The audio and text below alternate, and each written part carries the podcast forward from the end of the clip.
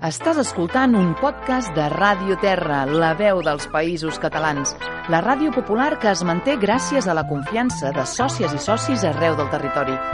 Ens pots escoltar a través del nostre web radioterra.cat o la ràdio.cat. Segueix-nos al Twitter, al Facebook, a l'Instagram i al nostre canal de Telegram.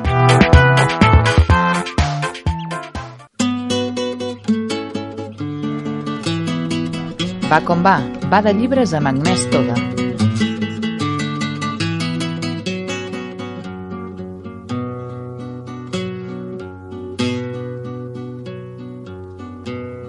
Bon vespre, això és Va com va, va de llibres, i jo sóc l'Agnès Toda i Bonet, i us acompanyaré durant mitja horeta per parlar de llibres. Avui, avançant-nos al dia 8, bàsicament perquè el nostre programa s'emet abans, conversarem amb Maria Àngels Cabré sobre Lila, història gràfica d'una lluita, escrit amb la col·laboració de Toni Calmés i publicat a Coma Negra, que surt a la venda demà.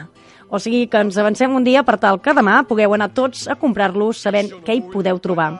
Avui ens endinsem, doncs, en la lluita feminista, en la lluita de totes i tots. Som-hi!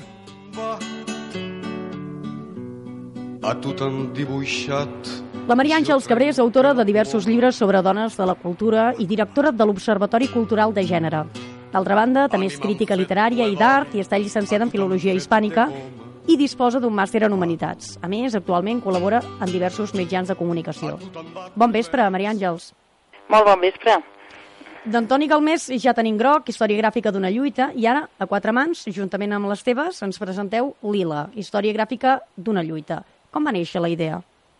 Doncs la veritat és que va ser una iniciativa de Coma Negra, al veure que groc era una bona pensada, explicar les coses en clau gràfica és una cosa que es fa poc i que jo crec que és molt atractiva, perquè d'alguna manera estàs facilitant el coneixement, no? La imatge, estem en la societat de la imatge, la imatge ens agrada, la llegim bé, i van tenir la pensada aquesta de dir, bé, ens sumem amb aquest nou corrent del feminisme, aquesta eclosió recent que hem tots de celebrar, i intentem fer el mateix, però eh, parlant de feminisme. Llavors feia falta una persona, diguem, experta en feminisme o que conegués quines havien estat les onades, com era la història, quina era la trajectòria, quins eren els noms més importants per posar el context, i bé, aquesta persona sóc jo, no? O sigui, que hem fet a quatre mans aquesta història que, de fet, ens explica tota la història del feminisme, però amb la particularitat de que ho fa des de la vessant gràfica. O sigui que és un llibre de bona lectura perquè no només hi ha lletres, diguéssim, eh? no només hi ha, Hi ha una dibuixos, explicació, exactament. sinó que també hi ha, hi ha molta, molta imatge, i a més imatge en color, que és una cosa, diguéssim... Sí, és que, un llibre bé, com a, com a negra ja té fama d'editar bé i la veritat és que aquest és un altre dels seus llibres ben editats i no només està il·lustrat en el sentit que té dibuix, sinó que totes les il·lustracions són valuoses, no? perquè realment des de les primeres del sufragisme fins les darreres de les il·lustradores que estan omplint les xarxes socials i les parets i les pancartes de la nostra actualitat més recent, doncs la veritat és que totes les peces són molt valuoses per si soles, no? Tenir-les eh, juntes, tenir representacions doncs, de la Revolució Russa, com dic, del sufragisme, del feminisme dels anys 70, de l'impuls eh, del món laboral que es va donar als Estats Units a les dones eh, durant la guerra, doncs la veritat és que no deixa de ser doncs, una petita joia, no? I una petita joia a bon preu, no? Jo sempre dic que els llibres són cars o no en funció de lo ben editats o mal editats que estan i aquest, per lo ben editat que està i per les moltes coses que conté, doncs resulta barato. Vindria a ser com una exposició amb un guia eh, totalment bé eh, informat de, de tot Una el que... exposició ben grossa perquè la veritat és que són més de 200 imatges i bastant tics, és a dir que sí, no? És un passeig, de fet, no comença, diguem, pel principi ni acaba pel final, sinó que va barrejant, va fent una mica un, un, un viatge una mica més entretingut, no? Que no el pròpiament cronològic, però és això, no? Un viatge per als diferents períodes, els diferents moments, les diferents imatges icòniques també, no? Hi ha imatges, per exemple, com Rosie la rebladora, que és aquest personatge de la dona que ensenya el braç així amb un signe de fortalesa, que recentment ha tornat a l'actualitat, no? I que és, un, és, un, és una imatge que té moltes dècades i que no va néixer amb aquest origen, doncs aquesta Rosie doncs, ha ocupat tot un capítol, no? O sigui, el que fem és una mica és distingir el Toni Galmés i jo, què és allò més significat i què és allò que ha ajudat més, de fet, a vendre, diguem, a la resta del món el moviment feminista. El pròleg és de l'artista Paula Bonet i hi trobem coses com el que no s'anomena no existeix. Però què Exacte, passa... la- Eh, O sigui, perdona, eh, però és que tenia intenció de llegir una miqueta més, que perquè diu... Eh, Sí, però què sisplau. passa quan sí que existeix i quan, a més a més, la seva existència és tan dolorosa? Les dones hem habitat durant molt de temps en les tenebres. No? Eh, eh, o sigui, fa aquesta reflexió no? I, i entenc que ara, doncs, o, o bé, o ja, ja va sent hora, diguéssim, ara o abans d'ahir, eh, eh, toca doncs, fer-nos sentir d'una vegada per totes. Exacte, jo crec que els darrers anys han estat anys de denúncia, anys de reivindicació de, de l'intent de les dones de trencar el sostre de vidre a través de la denúncia de la invisibilitat, de les xifres de la desigualtat, de les poques dones en un sector en un altre, no? les associacions lluitant per defensar el seu terreny, no? i ara és el moment de ser proactius i començar a prendre mesures realment equilibradores, no? que ens construeixin com una societat molt més justa de la que tenim. No? És un plaer tenir un pròleg de la Paula Bonet, que és una gran persona i una gran artista i una gran activista. No? Realment la Paula Bonet, per les persones que la segueixen, ja sigui a les xarxes o ja sigui a les seves moltes presentacions de llibres, exposicions, etc, doncs sempre té a la boca la paraula feminista. No? És una dona que s'ha construït com a feminista i a tenir un pròleg seu, que a més és molt autobiogràfic, que ens explica la seva experiència en primera persona, doncs no deixa de ser un luxe, no? perquè dintre del llibre també hi ha imatges seves, no? perquè ella forma part d'aquest grup d'artistes, majoritàriament dones, que estan omplint les xarxes de significats gràfics no? i ajudant en aquests moments de lluita feminista i el que serà, per exemple, el 8 de març, doncs segurament a les xarxes socials tornarà a estar ple, com l'any passat, de noves imatges que reivindiquin més espai i més justícia per a les dones. Perquè, clar, tu fas servir la paraula reivindicar perquè doncs encara ens cal reivindicar, no? O sigui, eh, eh, portem temps eh, fent-ho, però doncs encara cal. Encara, no? encara no, ens, no, no hem trobat el punt aquell just. No sé si és que el, el podrem trobar mai o, o com ho veus tu, això? Jo en espero que sí. Jo, jo sempre dic que, a veure, eh, aconseguir el 100% serà difícil, segurament el 100% no, no l'assolirem, no? És una lluita permanent, és una lluita del dia a dia. Hi ha el feminisme o la lluita per la justícia social o la lluita per un món ecològicament més sostenible, evidentment és una, és una feina que no s'acaba mai, no? Perquè allà on s'avança un pas, doncs hi ha gent que vol fer-te retrocedir un pas, no? En conseqüència sempre s'ha d'estar vigilant. Però sí, és un moment eh, reivindicatiu, venim del 15 de març, és a dir, des del 15 de març fins aquí han passat moltes coses, ha passat la Women's March, eh, la primera, la segona, la tercera, ha passat el moviment Me Too, han passat les primaveres àrabs també, eh, han passat, diguem, coses que no passaven des de feia molt, és a dir, el món ha començat a entendre que l'actual dinàmica de capitalisme exacerbat, doncs resulta que en lloc d'igualar, en lloc de donar mos- més oportunitats, el que fa és donar més privilegis als de sempre i donar més des- desigualtats a la resta, no? incloses les dones. No? Les dones a aquestes alçades, eh, amb un capitalisme que funciona, que entre cometes podria donar de menjar a tothom, que estiguin cobrant un 25% menys, el que se'n diu la bretxa salarial o la bretxa laboral, doncs no deixa de ser un signe de que aquest sistema no funciona. No? Llavors, tots aquests anys que han estat de revolta, eh, de revoltes en plural, en diferents àmbits i en diferents graus i intensitats, doncs ara jo crec que catalitzen en una evidència, no? que és o ho fem bé o eh, anirem cap enrere i serà molt perillós. No? Les amenaces de la ultradeta a tots els països i també al nostre recentment doncs ens demostren que no estàvem bé fent bé la feina, és a dir, que no havíem assegurat el camí cap a la prosperitat global per tots i totes, no? I això inclou la igualtat de gènere, no? O sigui que, en conseqüència, sí, és un eh, període revolucionari, són les revolucions diferents al segle XXI, sens dubte, esperem que no hi hagi guerres, eh, les coses són diferents, no? Són una mica més tranquil·les, no? Però encara i així no deixen de ser moviments seriosos, és a dir, hem de tenir en compte que quan les dones sortim al carrer, eh, sortim al carrer i deixem de treballar, aquell dia fem vaga. De la mateixa manera que ho fem un dia, ho podíem fer un mes, o dos, o tres, o sigui que, atenció, escoltem a les dones.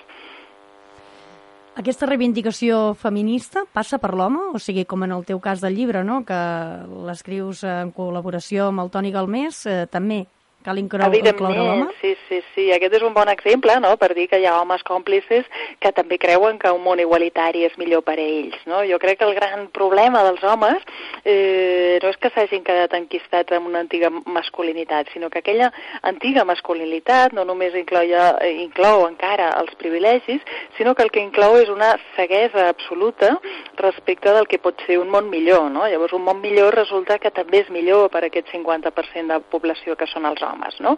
Perquè els impedirà fer les barbaritats que ara fan amb els esports de risc, amb els cotxes a tota velocitat, és a dir, els homes són les principals víctimes, de fet, del patriarcat. Hi ha molts més homes que es maten per culpa d'aquesta masculinitat a l'estil antic, no?, que no dones que moren a mans de les seves parelles, que són moltíssimes, 60, 70 cada any en aquest país, és una barbaritat, però encara i així són moltíssimes més les víctimes masculines del patriarcat, és a dir, que el patriarcat és realment molt dur, molt, molt agreste pels homes, no?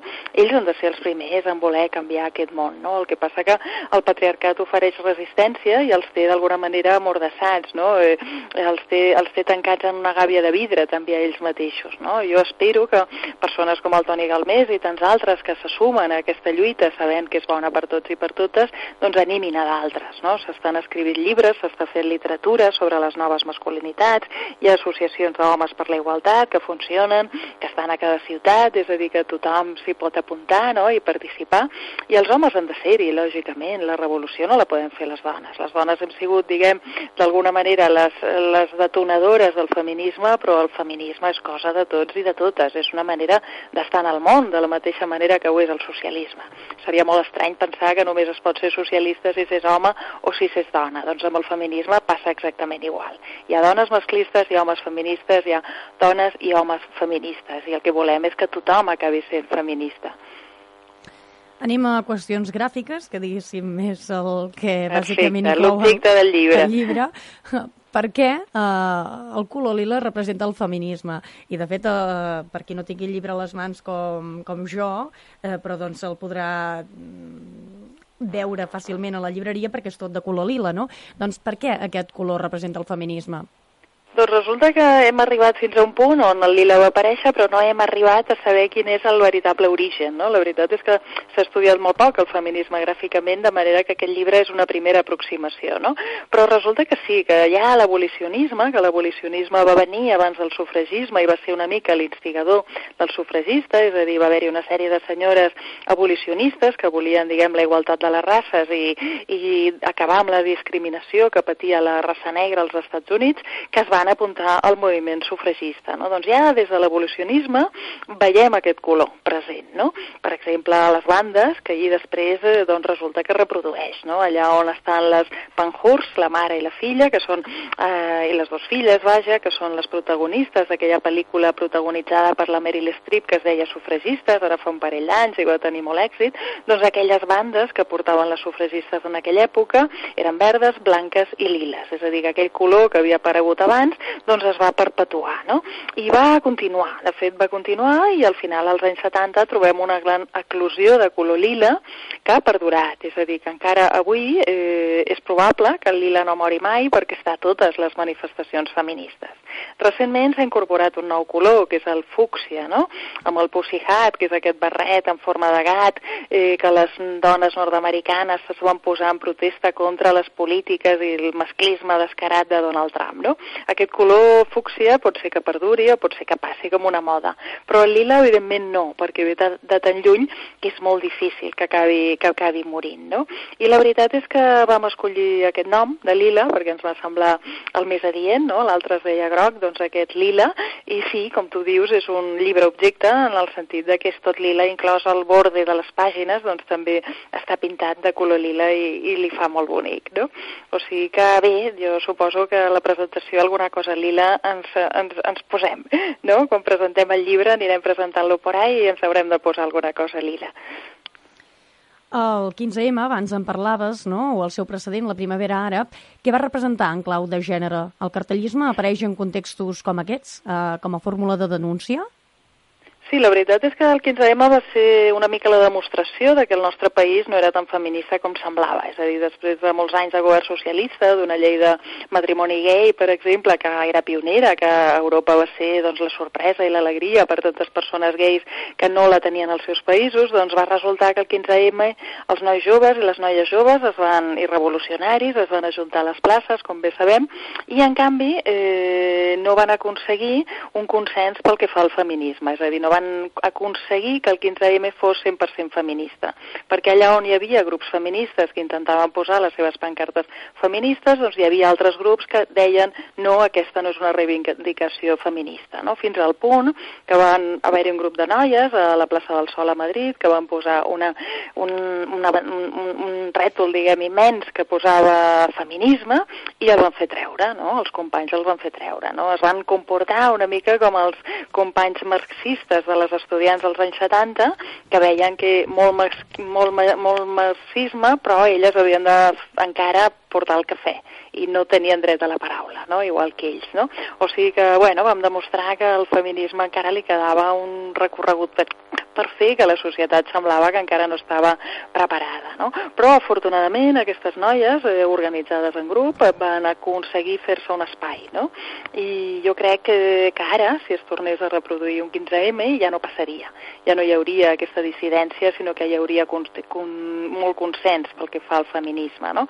O sigui que en uns anys molt breus no, hem guanyat terreny claríssimament, no? no només per, pel que ha passat al propi país, eh, casos com la manada, que han fet que la gent surti al carrer i se li obri una mica el cervell i vegi que les coses no són com haurien de ser, sinó que funcionen encara malament, sinó a nivell mundial. No? El moviment Me Too i la Women's March realment han ajudat moltíssim i han marcat un abans i després, és a dir que les pancartes feministes han adquirit més sentit que mai i s'han multiplicat eh, d'una manera exponencial.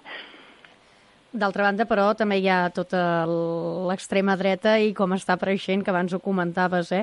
I, per exemple, doncs, en relació amb Trump, també s'ha generat tot un gran cartellisme feminista i bé, contra un provocador com ell, no sé què es pot fer més enllà de tot això, no? Com es pot aconseguir a través dels cartells que la gent reaccioni o com es pot, eh, què, què més es pot fer, no?, més enllà del cartellisme i de, doncs, això, de buscar una reacció no? a través de, dels missatges eh, que es puguin donar a través dels cartells?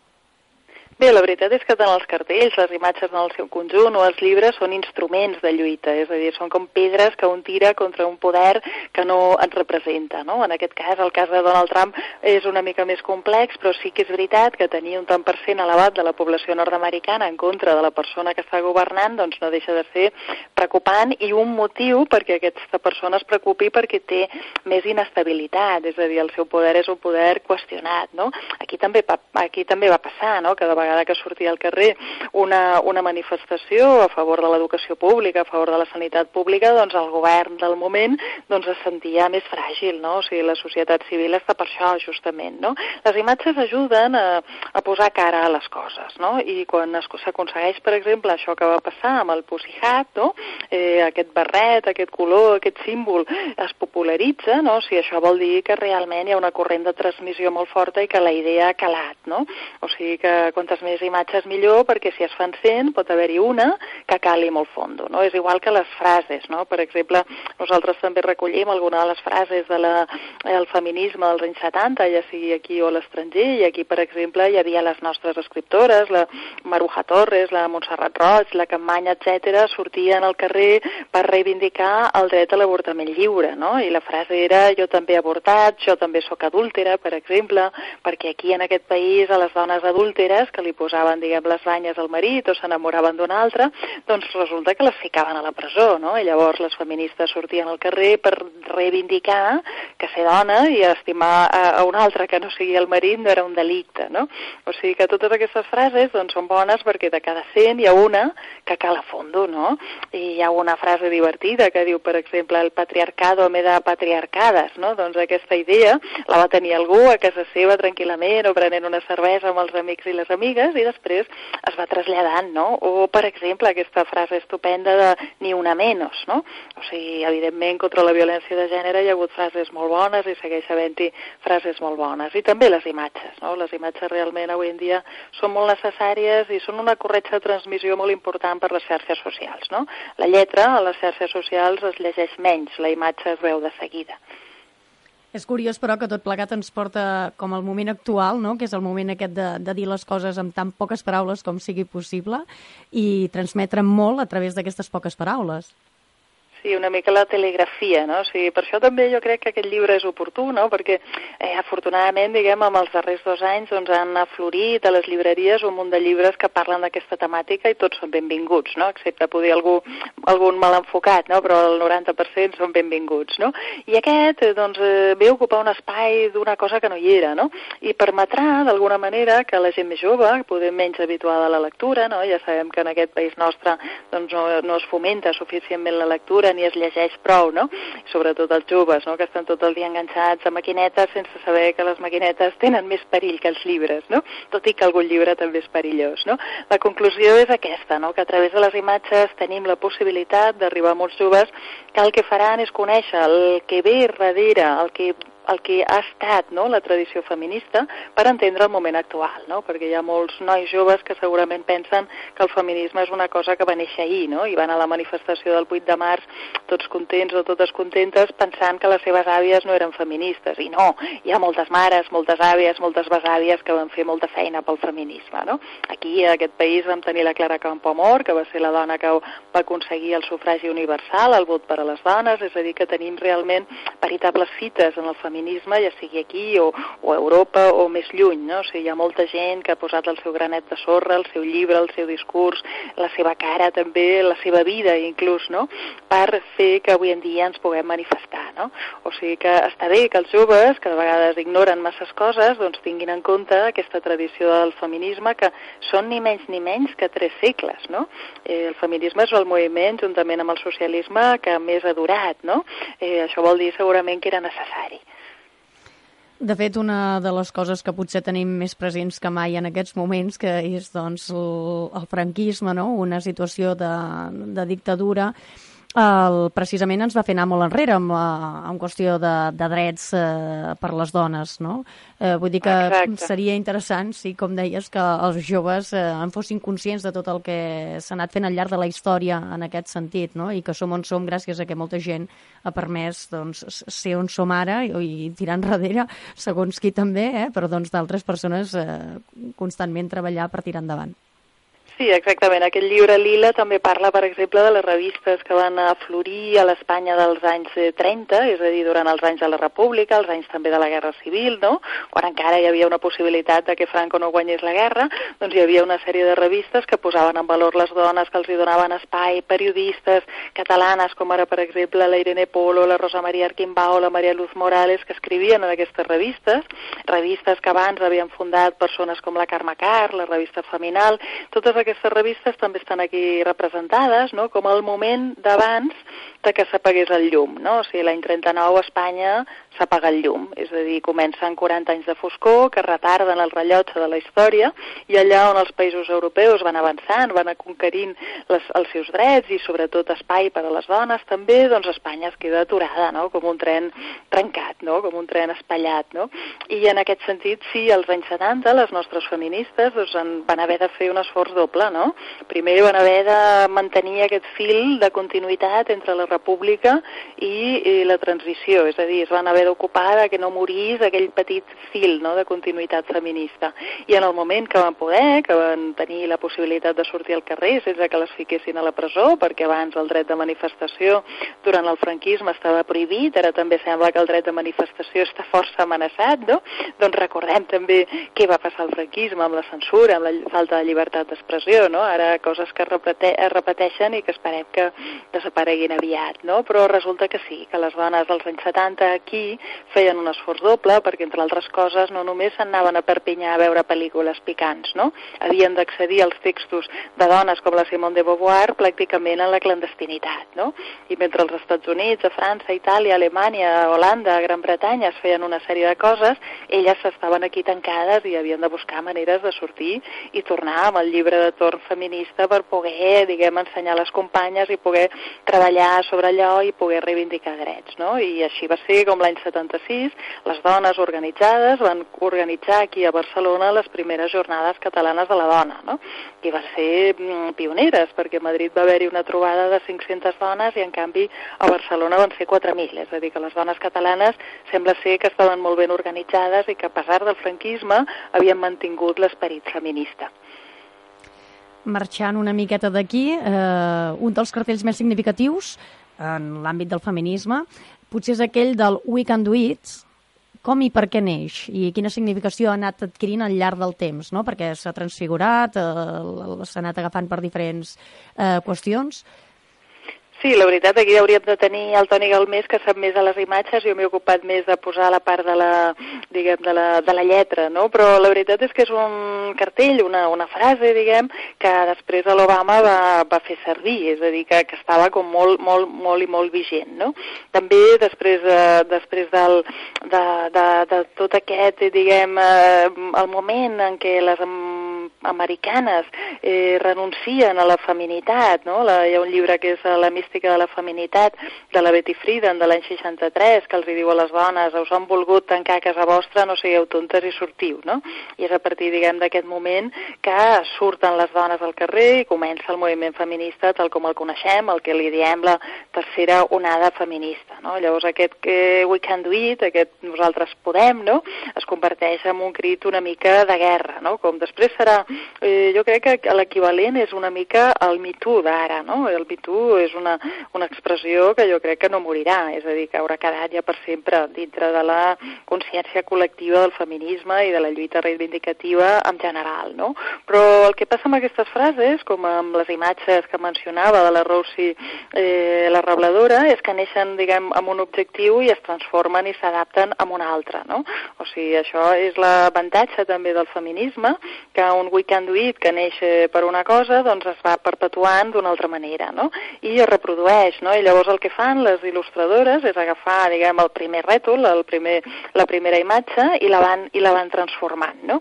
I li posen un color negre, i li posen un, una, una pell diferent a la persona, i li posen un avillament diferent, o sigui que van, van intentant, aquesta, aquesta Roussi es transforma, i ara avui en dia ens trobem, doncs, amb persones, diguem, conegudes, eh, doncs l'altre dia mateix la Belolit portava el mocador que porta la Rosi la rebladora, eh, que diu aquest We Can Do It, doncs el portava posat, no?, perquè aquest mocador eh, està de moda, és a dir, és un dels elements una mica vintage que s'han tornat a posar de moda, no? O sigui, cada vegada que una noia es posa aquest mocador, vulguis que no, amb, amb un estampat o amb un altre, doncs està fent un homenatge a aquest We Can Do It. Però hem de recordar que aquest We Can Do It neix eh, gràcies a un publicista que es diu John Howard Miller, que l'any 1942 li encarrega una empresa, una empresa, eh, diguem, industrial, no?, que faci una mena de, eh, una mena de, com, com dir, de campanya de publicitat interna pels propis treballadors, no?, per animar els treballadors de la fàbrica a que treballin millor, a que facin la seva aportació, diguem, en aquests moments, diguem, de guerra mundial on fan falta totes les mans, no? I fan tot de rètols, aquest publicista fa tot de rètols amb imatges d'homes fent diferents feines dintre de la fàbrica, no? I se li acut fer una d'una dona, que és aquesta, no?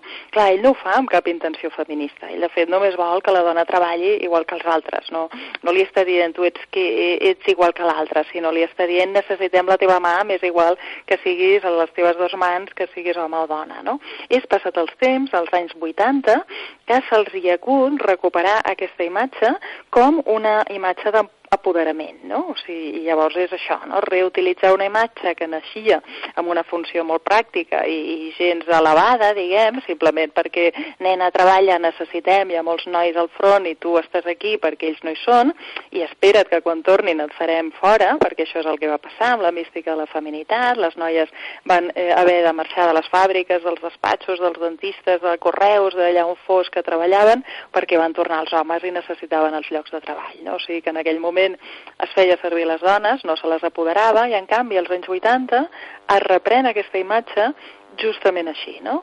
Fins al punt que fa molt poquet, doncs, en el moment, en el moment de les Women's March, una il·lustradora nord-americana se li acut eh, posar-li la pell negra a aquest personatge, se li acull posar, posar un barret eh, fúcsia i llavors es va transformar en la imatge, no? O sigui que en aquest moment ja no necessita ni tan sols tenir, tenir el braç així posat, no? Fent senyal de força, no? Sinó que té moltes variants, no? Pot ser més dolça, diguem, la figura, no? Però bé, eh, són imatges que ens transformen de la mateixa manera que transformem els llibres, és a dir, cada generació fa una lectura diferent d'un llibre, no? No és el mateix llegir Genaire ara que llegir-lo als anys 50, no? Quan es publicava Entre Visillos, per exemple, de la Carmen Martín Gaite, no? O sigui, les funcions dels llibres també canvien en funció dels ulls dels seus lectors l'últim capítol, i m'agradaria donar-li, encara que només sigui un minutet, que és el que ens queda, el dediqueu a la cultura de la violació que és uh -huh. on som ara, no? el moment aquest que comentaves tu del Me Too, però també de l'alliberament de, dels nois de la manada. Què ens passa? Quina lectura cal que en fem de tot plegat? Doncs bé, la veritat és que la cultura de la violació, el que seria la violència de gènere, no, és el, diguem, el punt més àlgid del patriarcat, no, el pitjor de lo pitjor de lo pitjor, no? I nosaltres el que fem és un repàs de coses recents, imatges recents, com per exemple aquesta imatge que va dibuixar la Laura Luelmo, que és aquella noia mestra que va ser assassinada fa ben poc, no? I aquesta noia que dissenyava, doncs havia fet una imatge d'una mena de flamenca eh, i posava vuit temes, és a dir, era per celebrar el Dia Internacional de la Dona de l'any passat, no? aquesta imatge també la tenim. No? Vivim immersos en la cultura de la violació, realment és que no som conscients de fins a quin punt una dona té por quan camina del pel carrer per la nit i en canvi un home no la té, no? Això és una veritable barbaritat, pensar que la meitat de la població té unes regles de joc diferents de l'altra meitat, no? I bé, li hem volgut posar aquest nom impactant una mica, en lloc de dir violència de gènere o alguna cosa semblant, hem posat directament cultura de, viol de la violació perquè ens sembla que fins que no admetem la gravetat de la realitat no li donarem una solució proporcional, és a dir, fan falta eh, canvis eh, substancials. Ara, per exemple, ja s'està parlant parlant des de fa temps de fer ciutats més habitables per a les dones. Ja hi ha iniciatives urbanístiques que il·luminen determinades zones que són especialment perilloses per les dones. No? Són una primera manera de dir-los als homes hem de posar més llum perquè vosaltres no us sabeu comportar amb les dones que van per aquest carrer per la nit. No? O sigui que bé, hem fet un recull i realment sí que és veritat que amb la manada, el lamentable cas de la manada, doncs han aflorat moltes il·lustracions que tenen aquest objectiu de denúncia no? i que ens fins a quin punt eh, doncs estem en perill les dones, realment, estem amenaçades, no?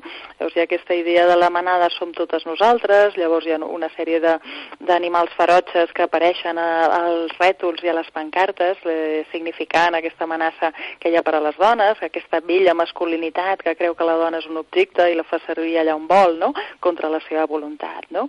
O el no és no, per exemple, no?, que també és molt clar, no?, per dir les dones han d'escollir si diuen que sí és que sí, però si diuen que no és de no, no? I bé, hem volgut acabar amb aquest capítol, no?, també una mica jo crec que també per posar justícia eh, sobre aquest cas de la manada, tan lamentable i que els jutges sembla que encara no acaben d'entendre que haurien d'haver solucionat d'una altra manera i que encara estan a temps de solucionar d'una altra manera, perquè lamentablement hi ha moltíssimes violacions a diari, o sigui, aquí i arreu, és a dir, és un problema que no, que no s'acaba i no té una solució immediata, és a dir, encara les dones se les està convidant a no denunciar quan hi ha casos com aquest d'injustícia tan flagrant a l'hora de dictar una sentència. No?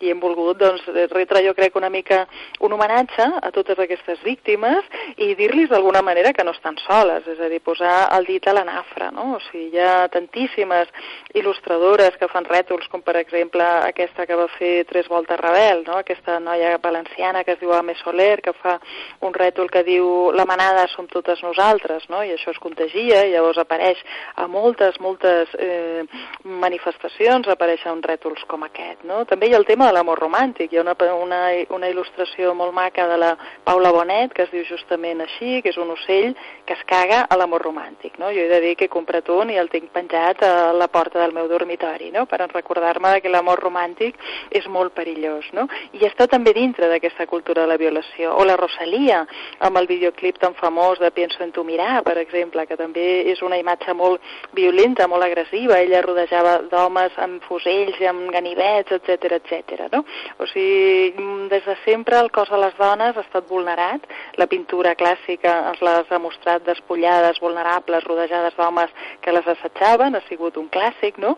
Aquesta, diguem, manera d'assetjar les dones a també el món de l'art, no? I hem volgut d'alguna manera tancar així pensant que era la millor manera, no? Que era la manera de dir eh, la història del feminisme ha assolit grans eh, fites, però cuidado que encara ens queda el més important, que és que les dones puguin anar tranquil·lament pel carrer. Doncs ho deixem aquí perquè ens passem molt del temps, però vaja, era molt interessant tot el que ens estaves dient. Emplacem, en tot cas, l'oient a saber-ne més llegint Lila, història gràfica d'una lluita, i sobretot penso que a través de les teves paraules i a través del llibre a reflexionar, a reflexionar molt. Moltes gràcies, Maria Àngels. Moltíssimes gràcies a vosaltres i bona lectura. Fins que més no podré, va com vull, com volem. Fins aquí, doncs, el programa d'avui. La setmana vinent, més. Ens podeu seguir al web de Radio Terra, la radio.cat, al nostre blog va com va, va de llibres.blogspot.com o pel Facebook. Va com va, va com volem. Feu que gràcies a la lectura aquest volem sigui més solidari i sostenible.